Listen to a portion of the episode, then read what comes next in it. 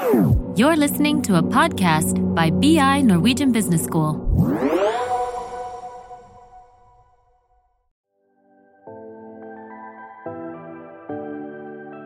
Velkommen til eh, Karrierepraten. I studio i dag så sitter Ina Jetland og Sigrid Opera Liseth. Vi er karriereveiledere på Handelshøyskolen BI. Og vi er så heldige at vi har med oss Ian Jenkins i dag, som har en fantastisk spennende historie å fortelle, syns jeg. Og eh, jeg gleder meg skikkelig til å høre igjen hvordan du klarte å gå fra 0 til 34 intervjuer på bare fem uker. Så velkommen til deg. Takk. Tusen takk. Eh, vil du bare starte litt med å fortelle hvem du er? Ja, det, jeg, eh, faktisk jeg begynte i, eh, på BI i 99, etter jeg hadde flyttet fra USA. Eh, 1999, eh, Og startet i, når, når BI var faktisk i Sandvika. Mm -hmm. og da tok jeg masters i strategi. Og um, etter det så hadde jeg bestemt meg å bo i Norge. Og hadde lyst til å finne jobb etterpå, og det var utrolig vanskelig på den tidspunkt. Men eh, etter eh, 20 år så har jeg eh, absolutt eh, plukket opp noe lærerik eh, sånn, eh, og verdifull eh, erfaring som jeg skal dele i dag angående hvordan man kan finne jobb, eh, spesielt her i Norge, og også fra en perspektiv hvis du er utlendinger. Det er utrolig spennende. Vi vet jo det at det er mange som, som føler de står og stamper litt, og som opplever det som du opplevde. At du, for det var jo slik at du holdt jo på en liten stund, gjorde du ikke det? Eh, uten Ja. å få noe eh, napp? Ja, det, det, jeg tror det er mange studenter som, som kanskje går gjennom det samme opplevelse. Eh, Jeg hadde forventet at det skulle vært lettere å få jobb etter jeg hadde studert på BI, men akkurat i den tidspunkt så var det nedtur i den industrien jeg hadde lyst til å jobbe i, og det var innenfor teknologi. Men det kan være hvilken som helst industri. Det er alltid én som er i en nedtur. Sånn er det. Eh, eh, jeg brukte lang tid eh, for å gjøre CV-en klar og søke på alle forskjellige hjemmesider og gå på hjemmesider til forskjellige firmaer. Var på sånn eh, job fairs på BI for å, å finne jobb. Og eh, hadde utrolig vanskelig å bare komme inn og få intervju. Ikke, ikke bare jobb, men bare for å få en intervju. Mm. Til slutt så var det nesten at jeg endte opp å gå til sånn job fairs bare for å få det gratis mat. Jeg visste at jeg kommer ikke til å få en intervju. uh, men men det, var, eh, det var absolutt en nedtur, for at jeg hadde forventet at det ville vært lettere å få intervju. Men, um, men jeg fortsetter, for jeg visste ikke. Det er sånn Å finne jobb og søke jobb er ikke noe man lærer på skolen Nei. Det er noe som Akkurat som parenting, eller hvordan du skal håndtere finansen din, personlig Mm. finans, at du lærer ikke. Altså det er noe man skal bare finne ut selv. Og jeg hadde ikke noe eh, bra måte å finne jobb enn å bare gå på jobbportaler og jobbfairs for å finne muligheter. Og Da må jeg bare skyte inn igjen, fordi at eh, for de BI-studenter som hører på, så er det viktig at de vet at vi har et karrieresenter. ja. Eh, ikke sant? Slik at eh, man skal kunne få hjelp til det på BI. Og ikke Ja. minst så skal man høre på denne podkasten når den blir lagt ut, Ja. for å få eh, gode tips. Men den podkasten hadde ikke vi på den tiden. Den var ikke Nei. Nei. Nei, men, eh, men eh, det som var ganske klart, er, at de områder, de, eh, de områder som jeg søkte jobb, var ofte der hvor, det var også mest konkurranse.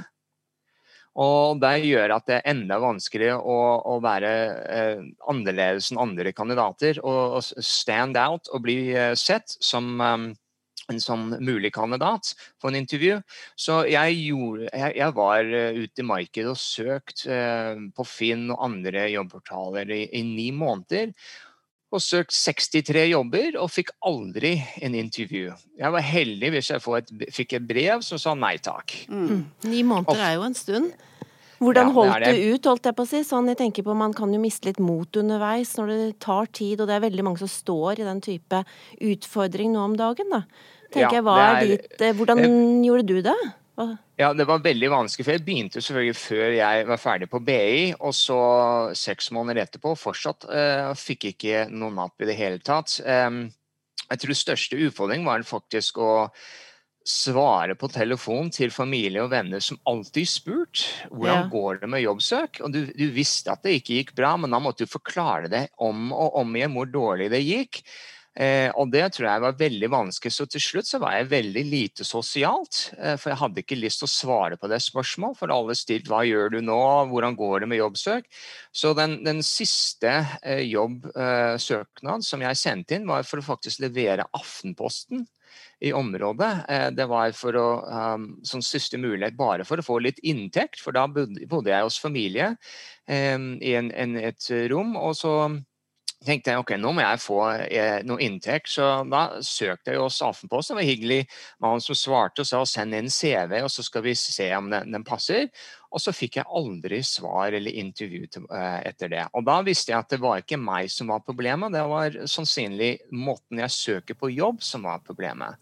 Ja. Eh, og da var jeg plutselig veldig åpent for å finne en annen mulighet, en annen tiltak for å finne jobb. Og Kanskje man er veldig desperat når man faktisk hører på råd man får fra en lærer.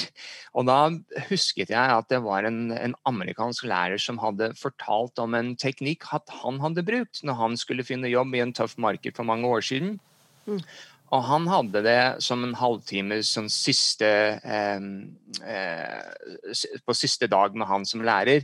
Han fortalte det, og så jeg tenkte at etter ni måneder uten intervju, kanskje jeg skulle gå tilbake til notater og se på hva han forklarte. Og da var det eh, han, han, hadde referanse på en, en bok som heter 'What Color Is Your Parachute'? Hmm. What color is your parachute? Ja, uh, Richard Bowles. Han lever ikke lenger, han var faktisk prest. Mm. Men han hadde skrevet en av de mest, eh, som de sier på engelsk, the most influential books ever written. Eh, på den samme lista er Bibelen, og han har solgt over ti millioner eh, eksemplar av den bok, men nesten ingen har hørt om den. Er, eh, men, men, akkurat den eh, bok forklarte meg en helt annen måte å finne jobb som jeg ikke visste om, men som var nevnt av en professor på BI. Og da tenkte jeg vet du hva, jeg har ikke noen andre muligheter. Nå må jeg være veldig sånn open-minded og prøve noe nytt. Og da leste jeg en bok og tenkte ok, nå skal jeg følge den helt akkurat som den sier, som en teknikk. Og da brukte jeg den for å snu 180 grader på den jobbsøk som jeg gjorde. Mm. Uh, og da hadde jeg med en gang innenfor den første uke så var det en helt annen endring på jobbsøk. Ikke og da begynte jeg å få eh, sånn ansikt-til-ansikt-møte eh, med managers eh, innenfor eh, teknologiindustri. Så da fikk du et vendepunkt, rett og slett? da? Ja. på hvordan eh, kommunisere. Men det handler jo også, som jeg forstår på deg, at dette handler om å ikke gi seg. Stay in there, ikke sant. At man uh, sørger for at man holder seg i gang. Eh, og En del av det er, er ikke gi seg, men det andre ja. er å være åpen til å prøve ja. andre typer tiltak. Ikke bare gjøre det samme og samme igjen. Nei. Det er litt som å se en flue som prøver å komme ut uh, fra en hyttevindu, f.eks. ja. og den prøver samme veien hele tiden.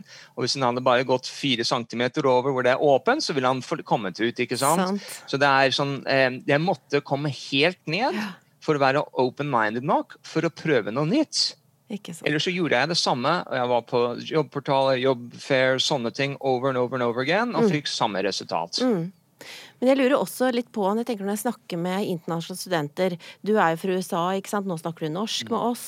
Men hvordan, hvordan tilnærmet du det arbeidsmarkedet eh, med tanke på språket? Brukte du engelsk, eller brukte du norsk? Hadde du norsk CV, engelsk CV? Det er alltid et spørsmål som kommer opp, og som mm, jeg også føler er litt sånn eh, Ja, det, det er utfordrende å svare på også. Ja, det selvfølgelig er en fordel hvis man kan norsk. Eh, jeg har norsk mod, så jeg, eh, så jeg hadde hørt norsk før jeg flyttet til Norge. så mm. er fordel der. Men jeg har søkt um, alltid uh, situasjoner hvor jeg kan bruke engelsk på jobb. Uh, jeg føler, meg mye tryggere og kan være bidra mer hvis jeg er i en situasjon hvor jeg kan bruke engelsk. Mm. Ja, det ser jeg. Så, så, det var en stor fordel for meg, men eh, utfordringen var å finne jobb som passet til det.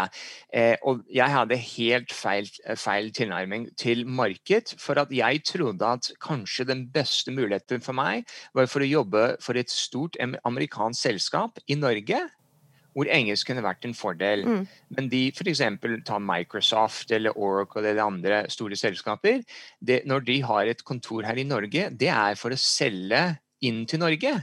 Det vil si at relasjon og språk er veldig viktig hvis du skal eh, bidra i den type firma i Norge.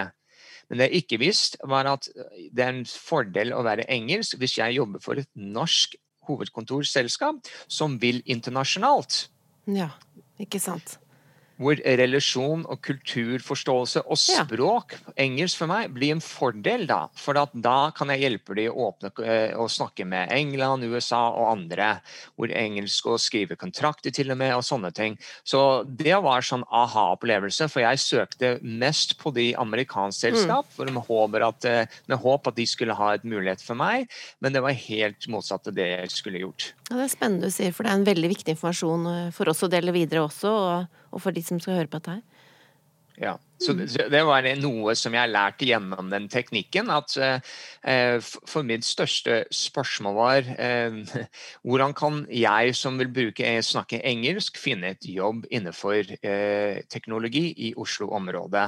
Og Det var den spørsmålet jeg stilte eh, til mange. Og da begynte jeg å få tips og råd som jeg ikke fant noe andre sted. Og da var det en sånn aha-opplevelse at faktisk de for meg det er teknologiselskaper som er hovedkontor her i området, som setter størst pris på min engelsk. Mm. Så det du sier til oss, og det er veldig interessant, er at du faktisk eh, forsto eh, bedre hvordan dine eh, ferdigheter Hvor det var behov for dine ferdigheter. Så det er en del av det.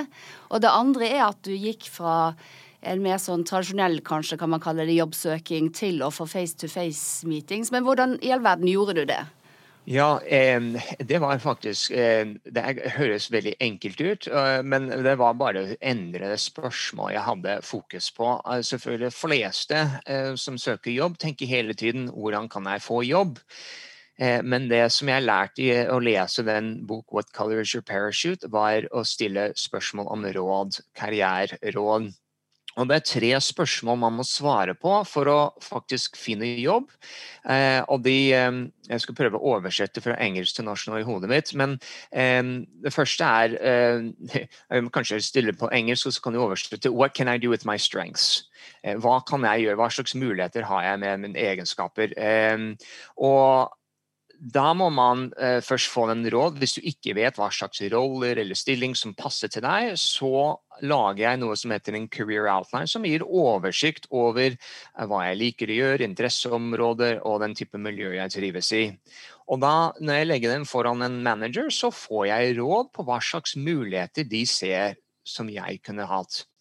Det neste spørsmålet er hvor. Hvor kan jeg bruke disse egenskaper? Og mm. det betyr alt fra land, by, industri, firme, helt ned til kanskje avdeling. For hvis, det er nesten som hvis du skal finne eh, et hus. Det hjelper å ha adresse og ikke si jeg letter etter et hus i Norge. Men hvis du sier at jeg leter etter 32 Karl Johans gate, da kommer du direkte til det. Så da brukte jeg den career outline for å få spørsmål om hvor passer den inn? Hvilken type selskap ville sette pris på det her? Og da fikk jeg råd og fikk jeg en lang liste av selskaper som kanskje setter pris på noen som kan engelsk, noen som kan litt om teknologi og salg og sånt.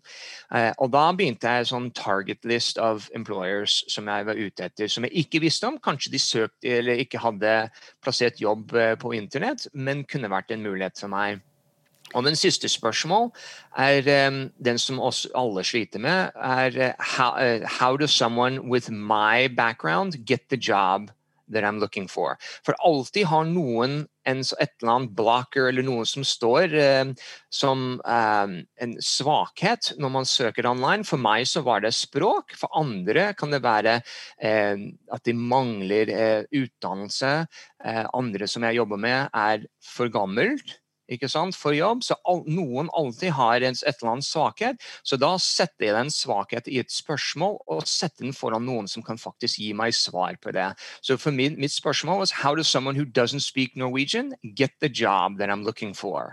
Og når du setter den spørsmål foran andre i industrien du vil jobbe i, så får du alle de svar og råd du trenger da for å finne jobb.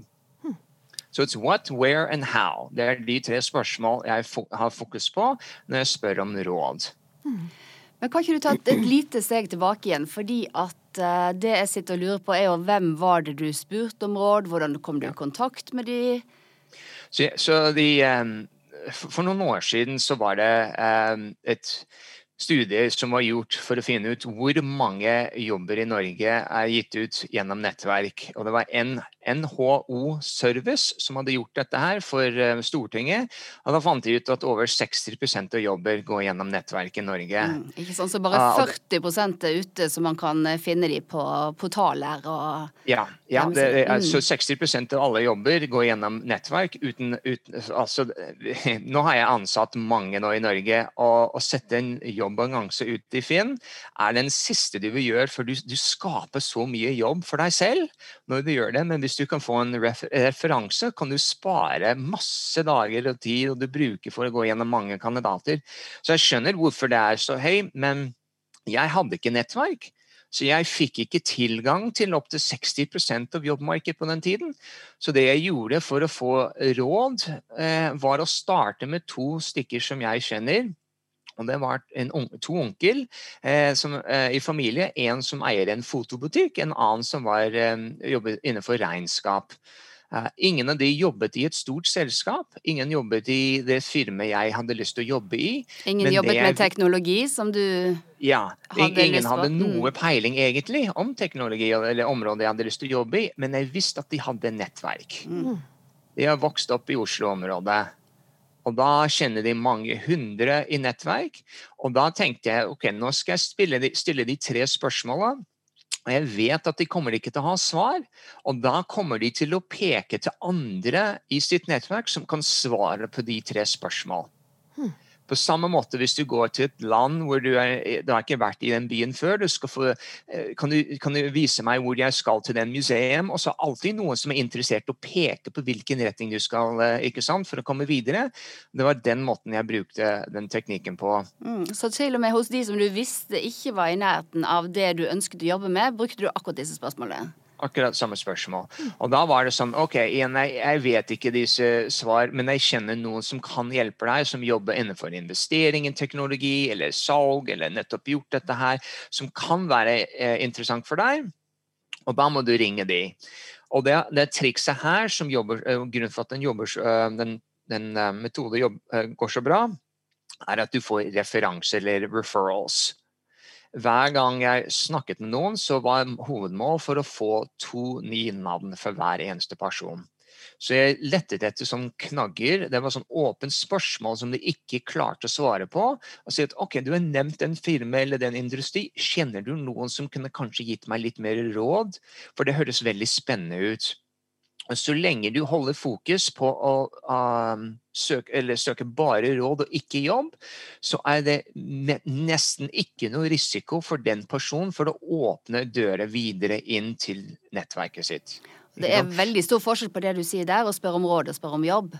Yes. Eh, å gi yes. råd, det tror jeg veldig mange ønsker å gjøre. Man syns det er veldig kjekt å kunne gi råd, men å, å gi jobb, det er jo noe helt annet, selvfølgelig. Ja, ja, for det er, for, for eksempel Hvis noen kommer til meg og spør om, om det er mulighet for jobb i det firmaet jeg jobber i når Jeg vet ikke hva slags bakgrunn det er, om de passer, eller hvis jeg skal sende de videre i nettverk. for da, det, det, det er masse risiko knyttet til det. Men råd er det nesten ikke noe risiko. Alle liker å gi råd. Så hvis du holder deg til akkurat det og, stille de tre spørsmål for å få svar Det du gjør, at du, du, du kommer nesten sånn, eh, sånn funnel. ikke sant? Du kommer nærmere og nærmere. Og det jeg fant ut gjennom den prosessen, var at det egentlig er under seks selskaper som faktisk interesserer meg i Oslo, som passer veldig bra til meg. Og noen ser at det er en stor ulempe med bare seks stykker, men jeg ser det som en stor fordel, for det er veldig lett å få inngang til de. For det er ikke så stort by, og det er lett å da få innsikt i hva skjer der, og bygge nettverket rundt disse selskaper. Og det er den måten jeg har da brukt um, i alle jobbsøker for å, finne akkurat den jobben jeg ønsker. å bruke den teknikken. Men jeg A spør om råd, og B alltid eh, spør om referrals eller referanser videre, så at du får i hvert fall to navnene fra hver person du snakker om. Det var slik du på en måte bygde nesten en eh, si, omvendt pyramide av, eh, av, folk du kunne snakke med? Ja, det var, eh, utrolig spennende, for at det gikk i mange forskjellige retninger. Noen sa f.eks. at ja, han jobber ikke innenfor teknologi, men han er en amerikaner som har gjort det bra i Norge. Jeg tror du snakker med han. Så jeg var overalt. Jeg drikker ikke kaffe, og jeg hadde så mange kaffemøter eh, hver uke. Og det det gjør, at um, som vi snakket om før, det var sånn uplifting. For at istedenfor å høre nei hele tiden, så får du en ja hver eneste gang. Mm. For da ringer jeg og um, det første jeg sa, og det, det, som er viktig her, at når du ringer noen, at du ikke introduserer deg selv. Det er alltid at eh, du, ringer noen og sier at hei, Gunnar har fortalt meg å ringe deg, og at vi skulle ha en møte. Jeg heter Ian Jenkins, og jeg letter etter litt karriereråd, for jeg er ny til Norge, ny til området, ny til whatever. Og hvis de sier hva snakker du om? Ja, men Jeg snakket med Gunnar i forrige uke, og han fortalte meg at du hadde eh, masse erfaring innenfor A, B og C. Og han anbefalte at vi tar en kjapp kaffemøte, så jeg kan stille noen spørsmål og, og, og få litt svar og karriereråd.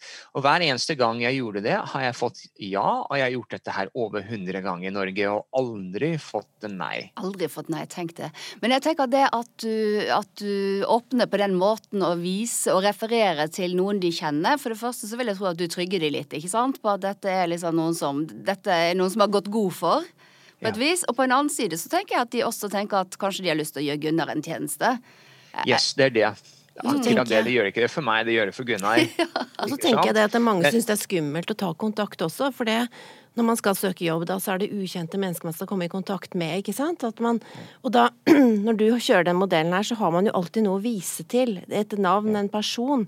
Som gjør også at, at samtalen antageligvis går enklere også. Og når man først har kommet i gang, så er det noe med at det ruller det jo på.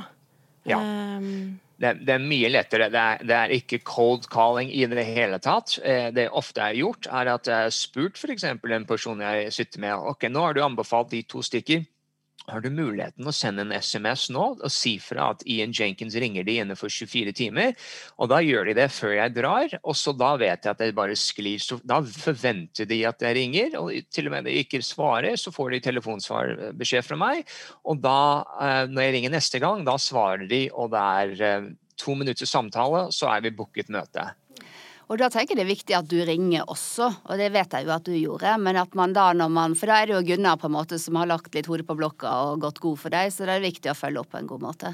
Yes, helt klart. Så, så etter jeg har hatt en samtale med Gunnars venn, så sender jeg en oppdatering til Gunnar. Og jeg gjorde det hele tiden eh, når jeg gikk gjennom de 34 møtene den første runde. Og jeg har, gjort mindre og mer noen ganger på jobbsøker, for jeg syns det er utrolig morsomt. Jeg, jeg, jeg, fyller opp. Jeg har sånn notebooks fylt med alle råd jeg har fått over disse årene, og alle navnene og telefonnummer. Og jeg fortsatt holder kontakt med noen som jeg har bygget med i det nettverk fra 2001. Jeg fortsatt holder kontakt med dem etter det. Um, jeg faktisk fikk jobb den første gang bare fordi den måten jeg søkte jobb, var helt annerledes enn andre har gjort før. Altså Den manager sa jeg aldri sett noen søke jobb på den måten her, eller for å finne hvor de passer inn best. Og vi trenger den type initiativ innenfor selskapet vårt. Har du lyst til å komme og jobbe for oss? Mm. Det er veldig spennende. Men det som jeg også lurer litt på igjen, det er jo eh, Gjorde du noe research på de du skulle møte? Ja, eh, så nå er det flere muligheter. Altså Alle har en larger footprint online nå enn de hadde for 20 år siden. Men nå har man muligheten å bruke LinkedIn spesielt. Um, og da kan du finne som knagger uh, for å starte samtale. Selvfølgelig her i Norge er det alltid hvis du skal møte noen face to face. Det var alltid først må vi hente kaffe, og neste må vi snakke om vær. Og da begynner vi å snakke om um, karriereråd. Um, så du må alltid ha litt tid for den første fem minutter, um, og så kommer vi fort i gang. Og det, det som jeg brukte for å få samtale i gang, var ikke å bruke CV, men noe som jeg lagde istedenfor, som jeg kaller for en career outline. For hvis du tar en CV inn på sånn advice meeting, så forteller du at du faktisk vil ha jobb men hvis du tar en career outline som ser litt annerledes ut, det er sånn top skill strengths, eh, interest areas og work environment preferences. Det er de tre områdene som jeg har skrevet ut der. Da kan det gi råd om hvor du kan kanskje passe inn i forhold til stilling og type roller og sånt, uh, uh, og industri. Og da begynner samtalen bare å rulle veldig fort. Bruker du den samme career outline når du er på møtene, eller tilpasser du samtalene? Hvordan gjør du det?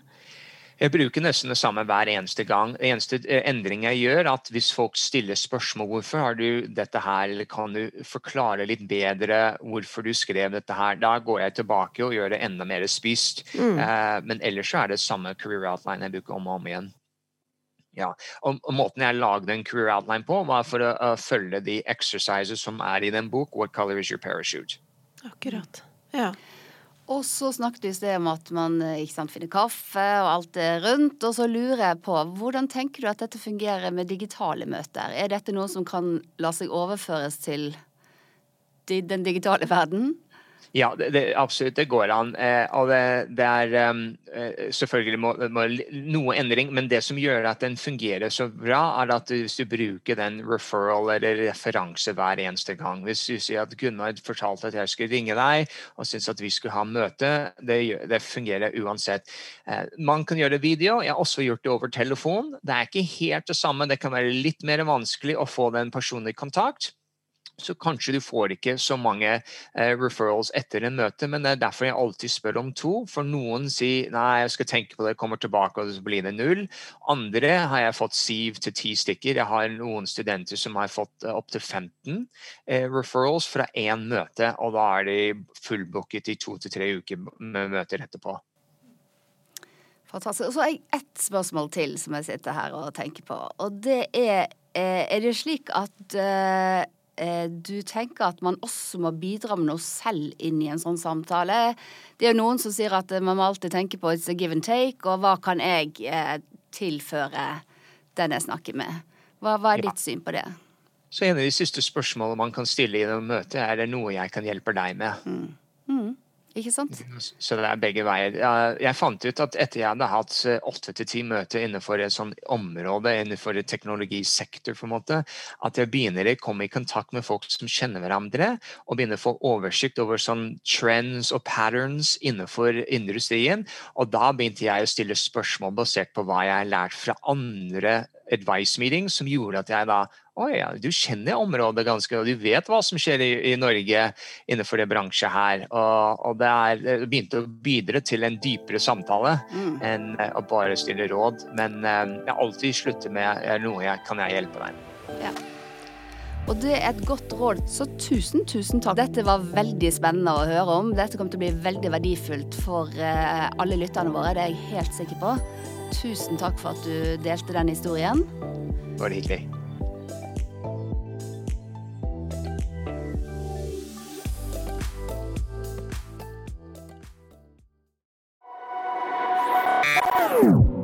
This is a BI production. Listen to more podcasts. Go to bi.no slash podcasts.